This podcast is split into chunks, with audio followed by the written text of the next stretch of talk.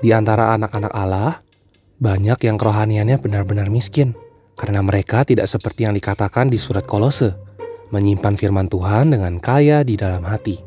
Miskin di dalam firman Allah adalah sebab utama kemiskinan rohani orang Kristen.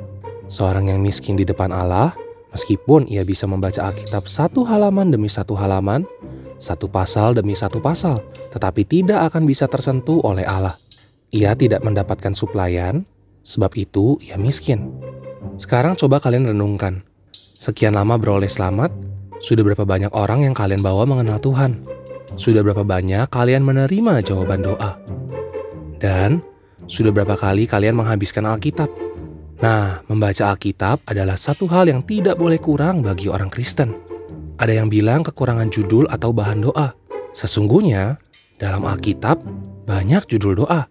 Dalam Alkitab, banyak hal yang membuat Anda bisa berdoa, membuat Anda bisa bersyukur, membuat Anda mengaku dosa, atau berdoa bagi orang lain. Semoga kita punya satu ketetapan. Tuhan, dalam tahun ini, sedikitnya saya harus membawa satu orang berpaling kepadamu. Sedikitnya, saya harus mendapat jawaban doa satu kali. Dan sedikitnya, saya harus membaca habis Alkitab satu kali.